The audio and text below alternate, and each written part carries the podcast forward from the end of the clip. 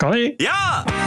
This is the TPO podcast. Chicago en Ter Apel hebben meer gemeen dan je denkt. Many of these residents say they no longer have any tolerance for the disruptive behavior by those seeking asylum here. It's making them feel unsafe. Zwanger worden is erger dan vliegen. Baarschaamte heeft dat. Mensen die zich schamen om een kind te baren vanwege het milieu.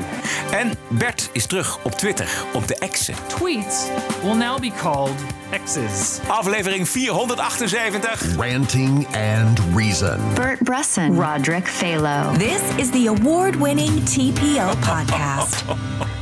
Als het dat maar goed gaat, Bert. Als wat goed gaat. Ja, nee, ik zat overal doorheen en bovenop. En, eh, maar goed, we gaan gewoon lekker door. Het is maandagavond, 31 juli. Je bent lekker bezig op Twitter, moet ik zeggen. Aha. Heb je het weer helemaal gevonden? Want jij- je bent een beetje zo'n ouderwetse Twitter-raar... die nog gewoon alles deelt en gewoon gezellige eh, Ja, kopjes koffie twittert en zo. Dat is ontzettend leuk. Ik dacht eh, in de nadagen van Twitter, als toch iedereen eraf is, kan ik er wel weer op zitten. Ja, Maar het was eh, ook eh, verder een strategische beslissing, omdat ik binnenkort met iets kom voor, met, nieuw, met iets nieuws met TPO.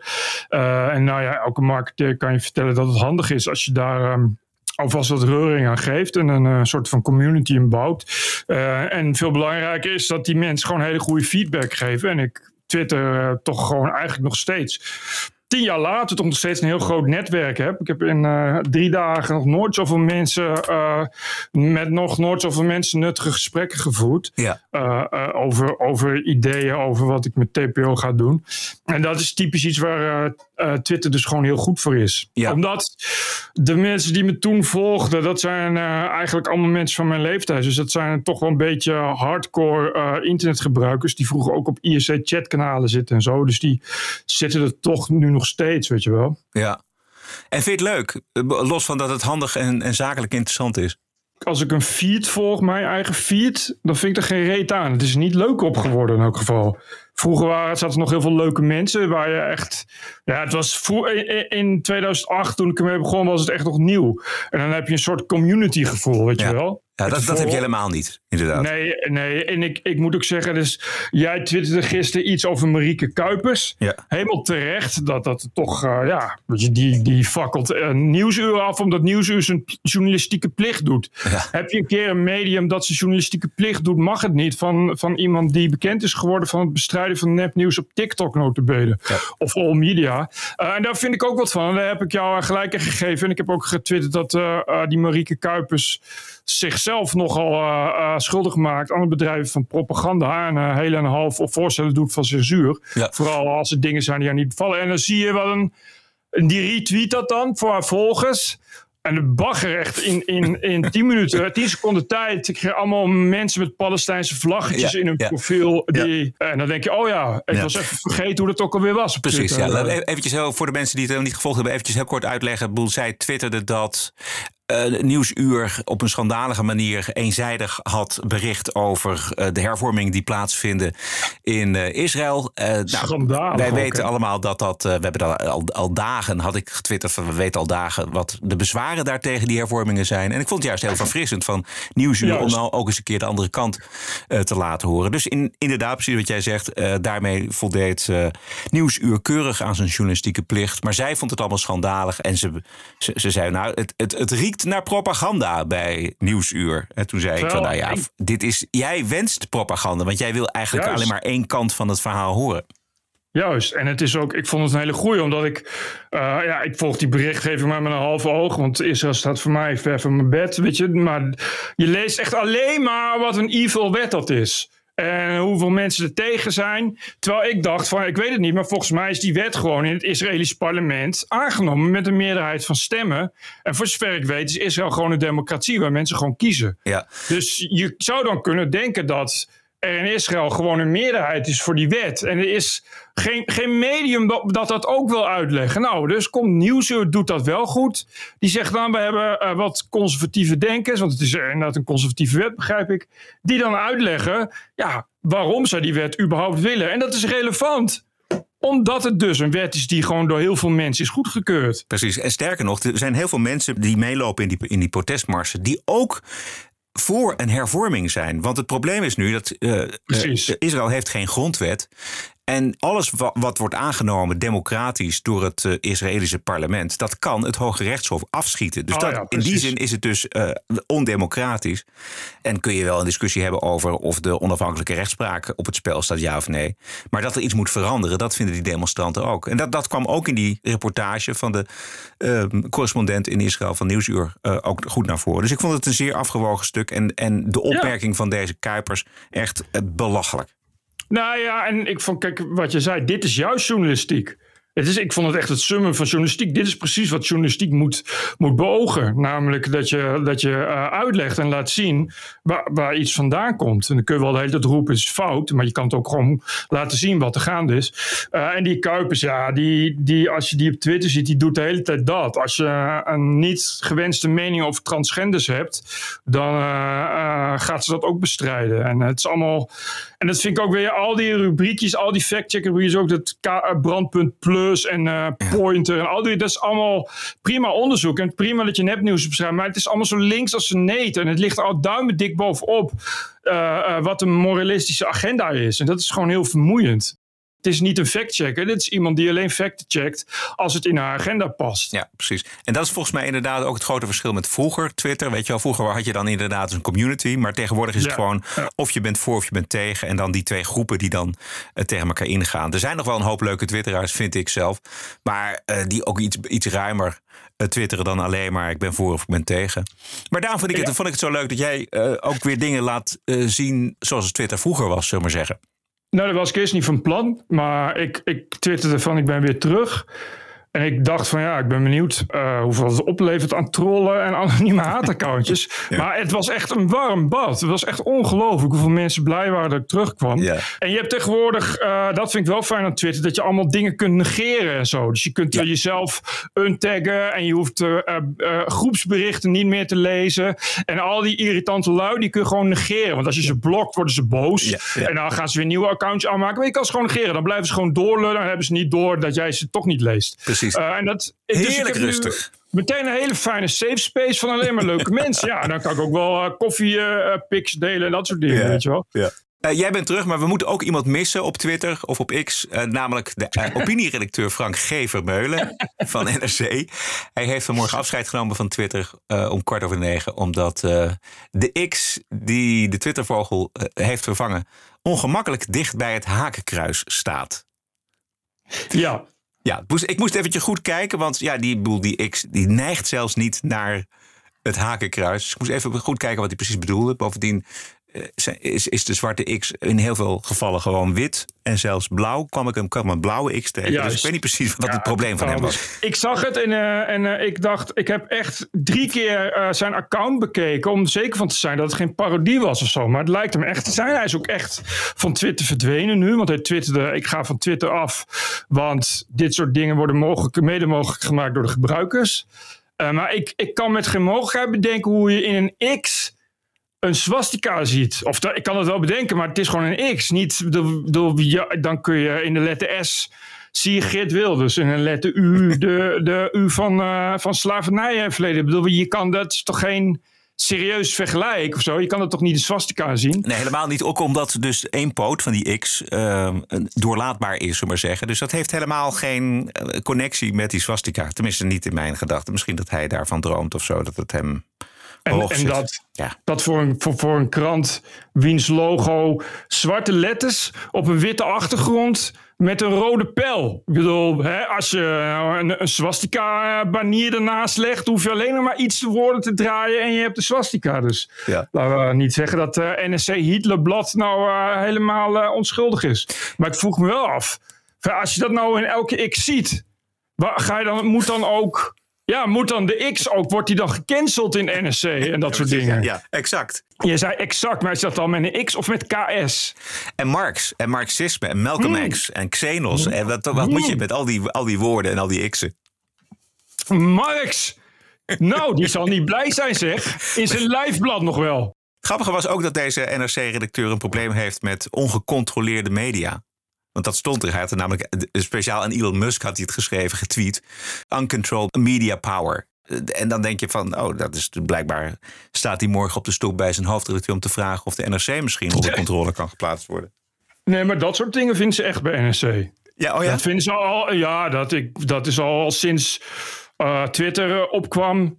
Is dat de grote steen des aanstoots voor NSC? Dat moeten we niet willen. Zomaar open, open debat en vrijheid van meningsuiting zonder enige controle. Je begrijpt natuurlijk dat eh, de redacteuren bij NSC weten wat de juiste manieren zijn. Ja. En dan moeten we niet willen dat mensen dat zomaar voor. Dat is nee. Dat is echt, als je echt het zere been van een NSC-redacteur wil, wil raken, dan moet je toch wel echt eh, serieus liberaal zijn en vinden dat iedereen maar alles mag zeggen. Dat is absoluut niet de bedoeling. Door wie moet dat dan worden gecontroleerd? Door mensen die bij NSC werken. Oh ja, precies. Ja, ja, ja. De, eh, de- in NSC, hij is opinieredacteur, hè? dus dit is de man die beslist of jouw brief wel of niet wordt geplaatst. Nou, als het niet wordt geplaatst, weet je nu waarom. Ja. Dit is iemand die, die vindt dat, ja, dat als het aan hem ligt, gaat alles via hem wat er wordt gezegd. Hij weet wat goed is en wat niet. Dat zie je ook aan, aan, die, twi- aan die tweet eh, eh, aan Elon Musk. Ja. ja. Typisch gevalletje voor de Wookweek ook eigenlijk. Want, eh, ja, maar goed, bijna vrij- wel. Ja, bijna wel. Vrijdag kijken we of eh, Frank G. Vermeulen terug is op X. In de TPO-podcast op vrijdag. De Wokweek. Ook in de wiskunde valt nog genoeg te decoloniseren. Het absurdisme. You're an adult. Grow up. Deal with it. De terreur. Everything woke turns to shit. En het verzet ertegen. This cancel culture is gonna end, end, end. De Wokweek. In de TPO-podcast op vrijdag. Ah joh, die vrijdag is zo fantastisch. Hartstikke leuk. Extra lang is die, de TPO-podcast van vrijdag. En we hebben natuurlijk eh, onder andere de Wokweek, maar veel meer andere dingen ook. Hartstikke leuk. Beste begin van het weekend voor jou. En als je abonnee wil worden of je wil het gewoon een tijdje proberen, dat kan ook natuurlijk. Een maandabonnementje of iets langer, dat kan allemaal. Eh, ga dan naar tpopodcast.nl. Kom je op onze petje af pagina. Daar wijst de weg zich vanzelf. Kun je het gewoon uitproberen. We moeten eventjes iets rectificeren. Want in de vrijdagshow hebben we eh, het gehad over de vrijspraak van Kevin Spacey. Dat Trouw in plaats van Oh ja. vrijspraak had geschreven door de jury niet schuldig bevonden. Wat suggereert dat, het, eh, ja, dat hij het wel gedaan had kunnen hebben. Alleen dat de jury dat niet zo ziet. Een oplettende luisteraar van de TPO-podcast die had eh, juist wel die vrijspraak gelezen in Trouw. En eh, nu bleek inderdaad ik mij vergist te hebben. En het was niet Trouw, maar het was nu.nl die niet schuldig had geschreven in plaats van vrijgesproken. Dank voor de tip. Nu.nl is ook heel anders dan trouw. trouw. Oh nee, nu, nu.nl is eigenlijk een soort trouw online Ja, geworden. ja, precies, ja, ja, exact. Dan Pieter Omtzigt, daar had onze bron in elk geval voor de helft gelijk. Welke helft? Nou, Omzicht gaat alleen door.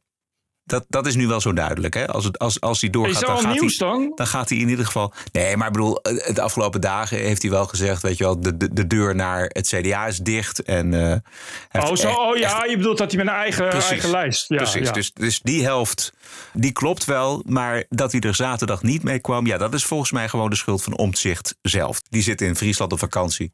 Dus dat ligt aan hem. Nou ja, goed, we hebben ook bijgezegd, het is één bron en een roddel. Ja. Die, dit, maar je, en, en bovendien, ik denk dat die, dat die bron van jou dat ook wel echt oprecht dacht. Ja. Misschien ook omdat eh Omtzigt dat had gezegd of bekendgemaakt. En toen later dacht van, nou, ik ga het toch nog maar even uitstellen. Dus wat dat betreft. Om ons Ja, te maar, jennen eh, natuurlijk. Eh, eh, nogmaals, we, zeggen het er allemaal heel netjes bij. En ik, ik kreeg op Twitter al meteen ruzie met mensen die. eh want je had toen Erik de Vlieg en Yves Geiraat. met zo'n zogenaamde bankafschrift van, van, van Dissel. Wat, wat zou bewijzen dat dan Van Dissel corrupt zou zijn. En weet ik veel wat natuurlijk onzin bleek. En dat bleek achteraf. dat bankafschrift kon een kind nog zien dat het vervalst was. Ik zei van ja, weet je, je, je kan het toch niet vergelijken. Op het moment dat je een roddel hoort, zeggen wij ja, we hebben een roddel. Dat is toch anders dan zeggen ja, ik heb een bankafschrift en ik weet bijna wel zeker dat het echt is. Ja, precies, ja. Is een enorm verschil. Maar goed, ik, ik maakte die opmerking. En ik, ik noemde die eh eh Yves Schairaat en Erik Vliegen oplichters. Maar dat was tegen het cerebeen. Van al die mensen met, met zo'n ankertje in hun profiel. Oh. Man, je krijgt echt, echt honderdduizend bagger shit krijg je over je heen. Terwijl ik maakte ook oprecht mijn excuses. Want Erik Vliegen is, eh, dat gelooft niet iedereen, een hele aardige gast. Ik ben wel eh, twee keer bij hem thuis geweest. Dat is echt leuk. Staat op echt video? een leuk- en ja, en ik, ik twitterde ook weer die video, omdat ik kwam weer met hem in gesprek. En hij vond het ook, is hij heel enthousiast over. Dat is echt een leuke man. Terwijl, ja, ja als je hem gaat googlen, dan komt hij niet per se als best uit de bus, zeg maar. Dat is echt een leuke fan. En ik vind dat dat soort mensen als Erik de Vliegen moet je hebben, omdat het, ja, dat is toch een mooie, mooie gast. Het is Ja. iemand die ook, ook kunst maakt en drie uur lang dingen te zeggen heeft als het moet.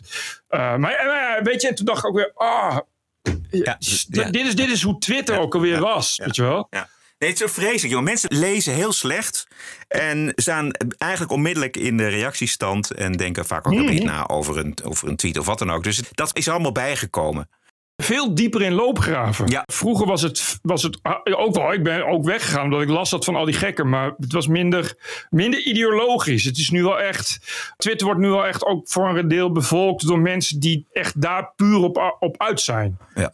Op, op, op, de, op, de, op de ander belagen, omdat hij een verkeerde mening heeft, zeg maar. Ja. Omdat, of nou, niet de mening, was het maar de mening, maar echt die is van de verkeerde partij. Dus die zit in de verkeerde loopgraaf. Zo voelt het een beetje. Ja. En dan ook nog onderling elkaar uh, afmaken. Om, uh, Juist. Ik zit wel eens op die fora voor uh, technische zaken. Weet je wel, de mengpanelen, software, dat soort zaken. Oh, ja. En als je daar ook één verkeerd dingetje bij zet, weet je wel, dan word je meteen afgemaakt van, nou, jij begrijpt er geen reet van, dit en dat en zo en zo. Ja. Dus, maar goed. Ja, ik, een mooie anekdote. Ik sprak vandaag ook iemand. en die, dat is een oude vriend van me, die, die wil misschien naar Bali verhuizen. Dus die zei, ja, ik had op Facebook, want hij was van Facebook af, zei ik heb speciaal een nieuw Facebook-account aangemaakt om, om, uh, ja, om in zo'n forum van, van mensen die naar Bali verhuizen. en die zei ook van, ja, de eerste drie reacties zijn meteen, je moet niet naar Bali gaan. Dan ben je een lul, weet je? ja. Nou, we hadden het over Pieter, uh, Pieter Omzicht. Uh, we hebben tot op vandaag nog niks gehoord. Het is vandaag maandag 31 juli. Nee. Het is tien over half zeven. Dus, maar goed, weet je, het nieuws gaat zo snel dat het gewoon later vanavond zou kunnen gebeuren. Morgenochtend, morgenmiddag. Uh, of aan het eind van de week. Nou goed, uh, we, we, houden dat in de gaten. Hij is op vakantie, dus hij gaat niet, denk ik, deze week iets van zich laten horen. Ik weet niet hoe lang hij op vakantie is in elk geval. Nee. Tot hij, denk ik inderdaad, tot hij terug is van vakantie. Dat zou ik in elk geval wel doen als ik hem was. Ja, precies. Goed. Bert Brussen, Roderick Balo. Ranting and Reason. This is the TPO podcast. Het verkiezingsthema nummer uno is asiel en migratie. Een meerderheid vindt het het belangrijkste. Ook al doen linkse kiezers en hun politieke idolen dat asielzoekers helemaal niet zo'n groot probleem zijn omdat het maar om 70.000 mensen zou gaan. Eh, gisteren zat ik weer met een linkse vriend van mij. En dat, dat is ongelooflijk. Die zeggen dus van nou, het maakt allemaal niet zoveel uit. Het is allemaal niet zo'n groot probleem. Dat is de ignorant left. Voor veel mensen wordt het pas echt een probleem als ze er direct mee te maken krijgen. En precies zo gaat het ook in de Verenigde Staten. Daar vingen de zuidelijke staten de, de, de ongecontroleerde stroom met illegale immigranten op. En toen hebben al die, die conservatieve governors, die hebben op een gegeven moment eh, gezegd, nou oké, we sturen ze door naar New York en naar, Chicago. En naar de, naar de zelfverklaarde sanctuary cities.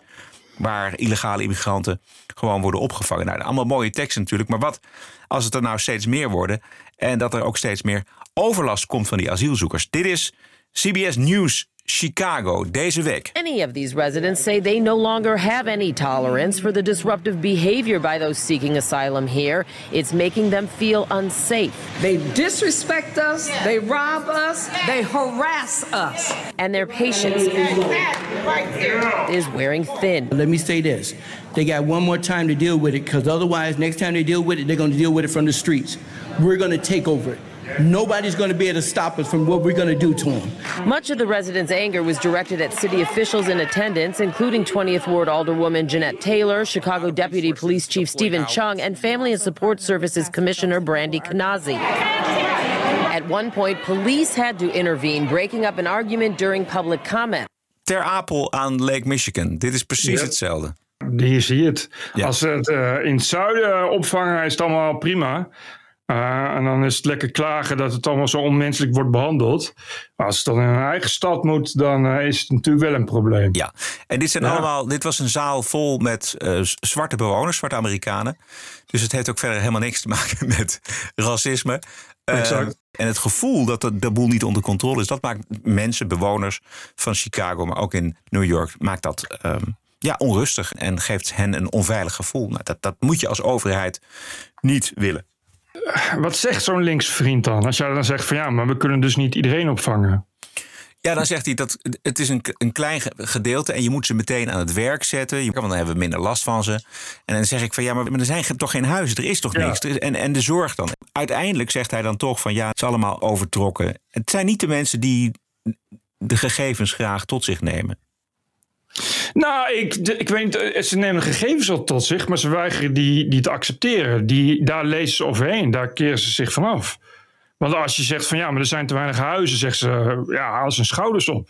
Moeten die boeren eh, exact. ophouden en dan moeten er huizen worden gebouwd. Dat is het. Maar, dat, maar, dat, maar dat, zo'n antwoord is natuurlijk altijd. Dan zeg je ja, maar dan moeten de rijken maar huizen afstaan. Dan moeten de boeren maar weg en, en weet ik veel. Maar dat is natuurlijk, ze weten ook wel dat het verder geen geldig antwoord is. Maar dat is uh, een argument wat ze liever niet hebben. En dat, dat negeren ze dan. Dat is dus het probleem bij links. Het negeren van argumenten. Ja. Je, je ziet hetzelfde bij probleem met, met jongen met messen in Amsterdam. Ja, dan moet je gaan fouilleren. Nou, dat doen we niet. Want dat vinden we een te zwaar middel voor de rechtsstaat. Oké, maar het probleem als je het niet doet, is dat een jongen elkaar overhoop blijft steken. Ja, ja nou, oké, maar dat, dat, dat negeren we gewoon. Net zoals de aversie bij een hoop moslimjongeren ten aanzien van homoseksuelen. Weet je wel, dat, dat, nou ja, daar, zullen, daar zullen we het vrijdag nog uitgebreid over hebben. Want dan, dan begint de Kennel Parade hier in Amsterdam. Dus daar kunnen we vrijdag oh, mooi eventjes over hebben. Dat is hetzelfde negeren, hetzelfde struisvogelgedrag uh, van linkse mensen. Nee, dat, dat willen we gewoon niet weten. Nou, exact dat dus. Dat willen we, maar dat willen we niet weten. En daar denken we niet, niet, daar moet je niet te lang over nadenken. En als je het wel doet, ik heb dat ook wel eens gehad, dat ik met iemand in discussie zat. Uh, en die zei op een gegeven moment ook van, ja, maar jullie hebben er heel lang over nagedacht. Dat is niet eerlijk. Terwijl ik dacht, weet je, dacht van, ja, maar dat is dus precies precies hoe het gaat. Dat die mensen ook niet tegen zichzelf zeggen van wat kan ik tegen mezelf inbrengen. Ja.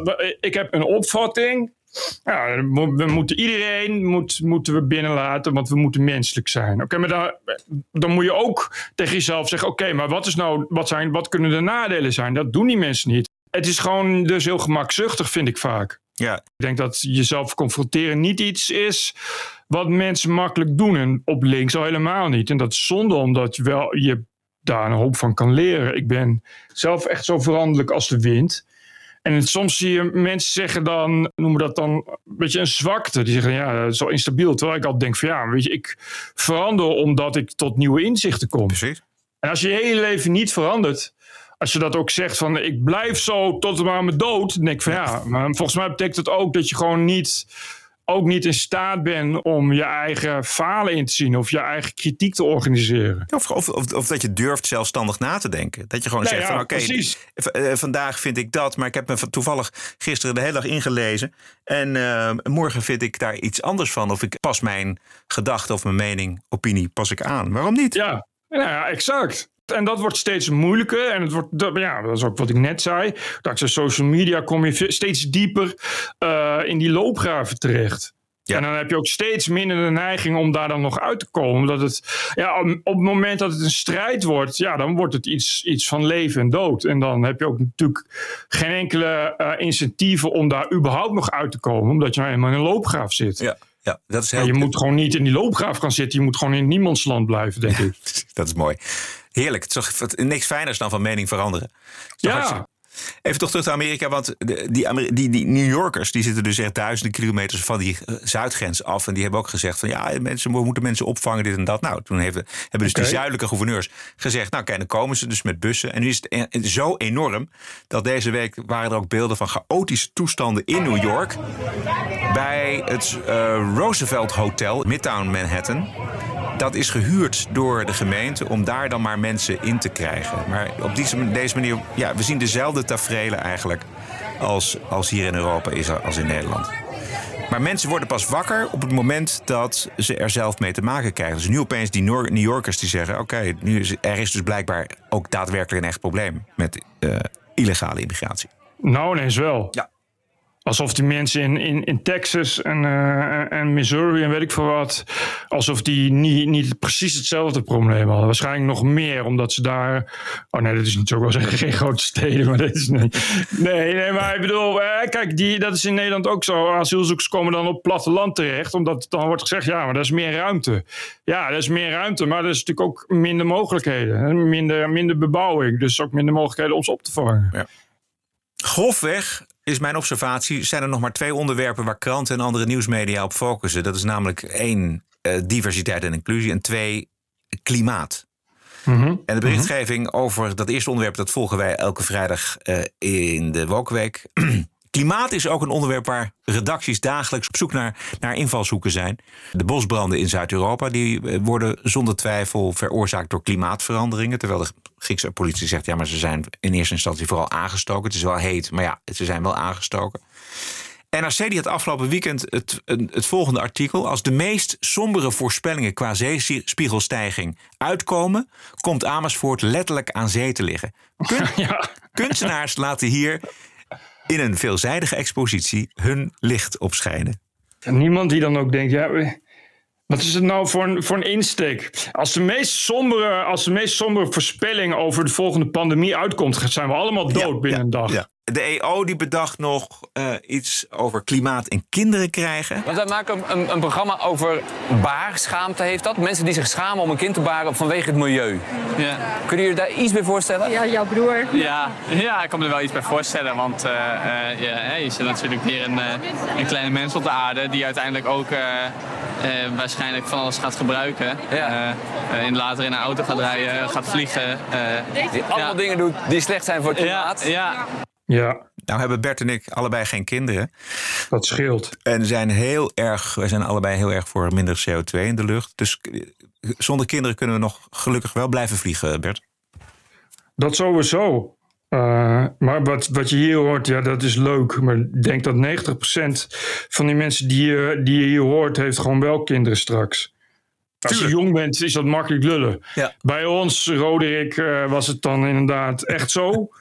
Precies. Wij hebben geen kinderen vanwege het klimaat. Laten we dat eventjes ja. uh, goed zo zeggen. Ja? Nee, maar ik bedoel, ik wist op jonge leeftijd al dat ik geen kinderen wilde. Maar dat, wie zegt dat niet op jonge leeftijd? Uh, meestal is het dan zo dat je dan toch denkt van... Oh, ik hou van iemand en ik wil dan toch kinderen. En dat zal bij deze mensen ook zo zijn. Dus het is ook...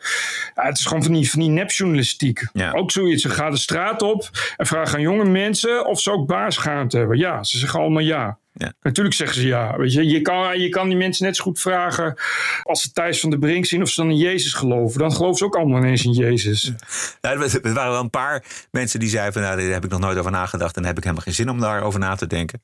Ah. Um, maar het is dus een onderwerpje wat dus bedacht wordt op een redactie. Ik wil maar zeggen, op die manier zijn redacties dus bezig, nu zeker in deze komkommertijd, uh, om het klimaat er met de haren bij te slepen. Ik bedoel, natuurlijk is dat een probleem. Klimaat, natuurlijk. En dat weten we ook. Maar het gaat voortdurend over klimaat, klimaat, klimaat.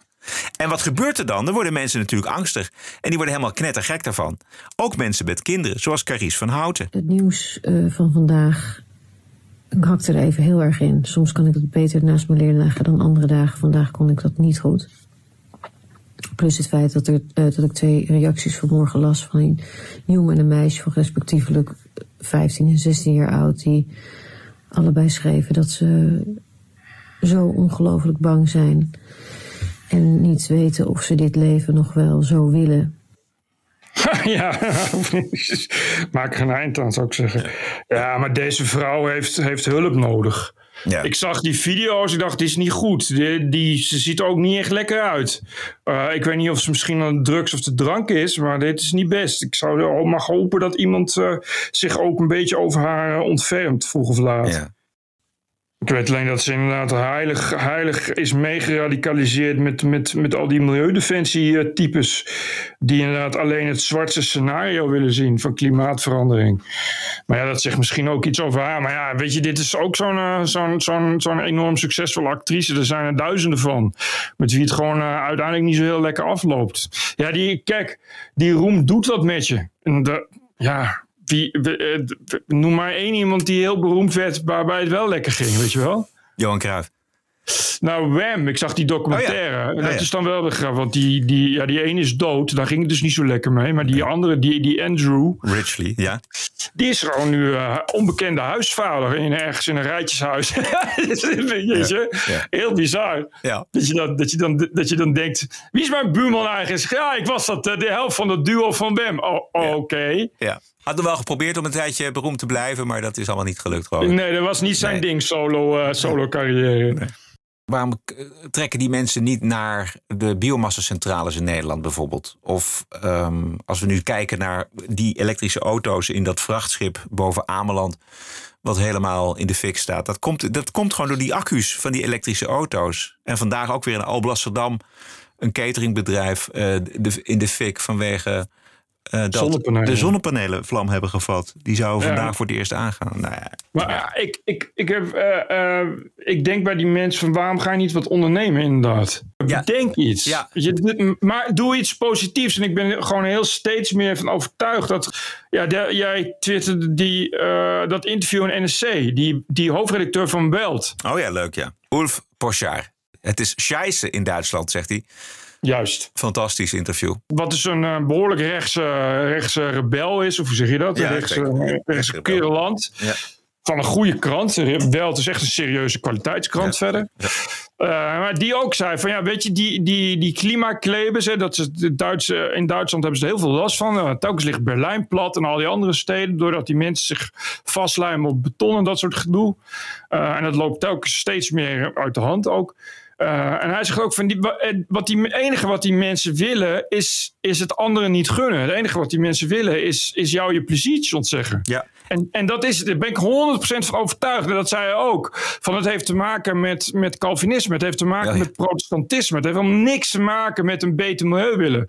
Of een beter klimaat. Het is echt puur 100% gericht op eh, het andere mensen zo moeilijk mogelijk maken. Exact. En het Mensen zijn namelijk precies, het zijn precies deze demonstranten, deze actievoerders die ook hebben gedemonstreerd voor de sluiting van de kerncentrales en die nu eh, met de bruinkoolcentrales zitten. Wat dacht je, jongen? De- eh, Duitsland Juist, is het, juist, is het aller, aller, aller slechtste land in Europa als het gaat om verbetering van de CO2.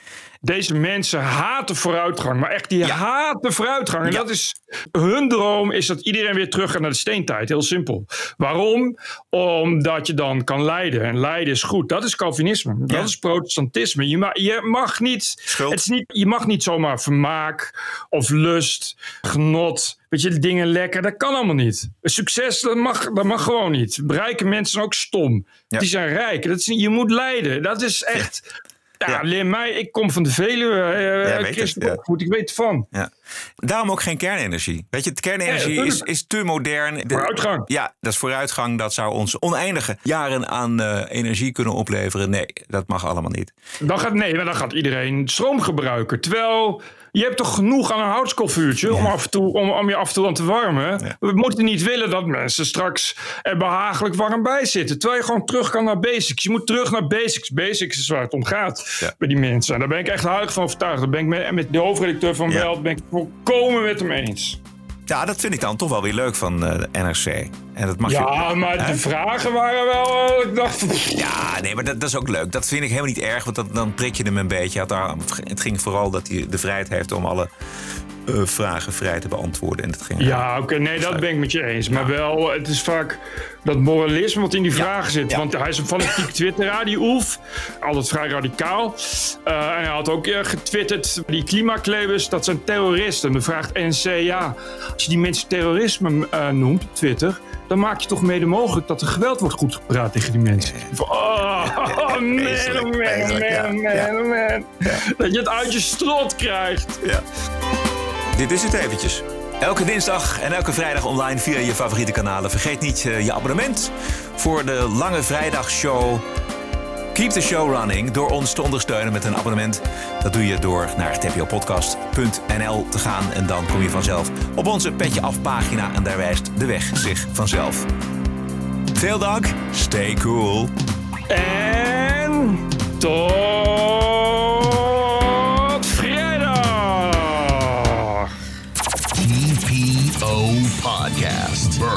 Bert Roderick Balo, Ranting and Reason. Het komt er heel nice over, dus dat is chill. Podcasting is the TPO podcast in the Netherlands. Bert and Roderick. What a show. I'm telling you. Keep the show running. Go to tpo.nl slash podcast. Thank you.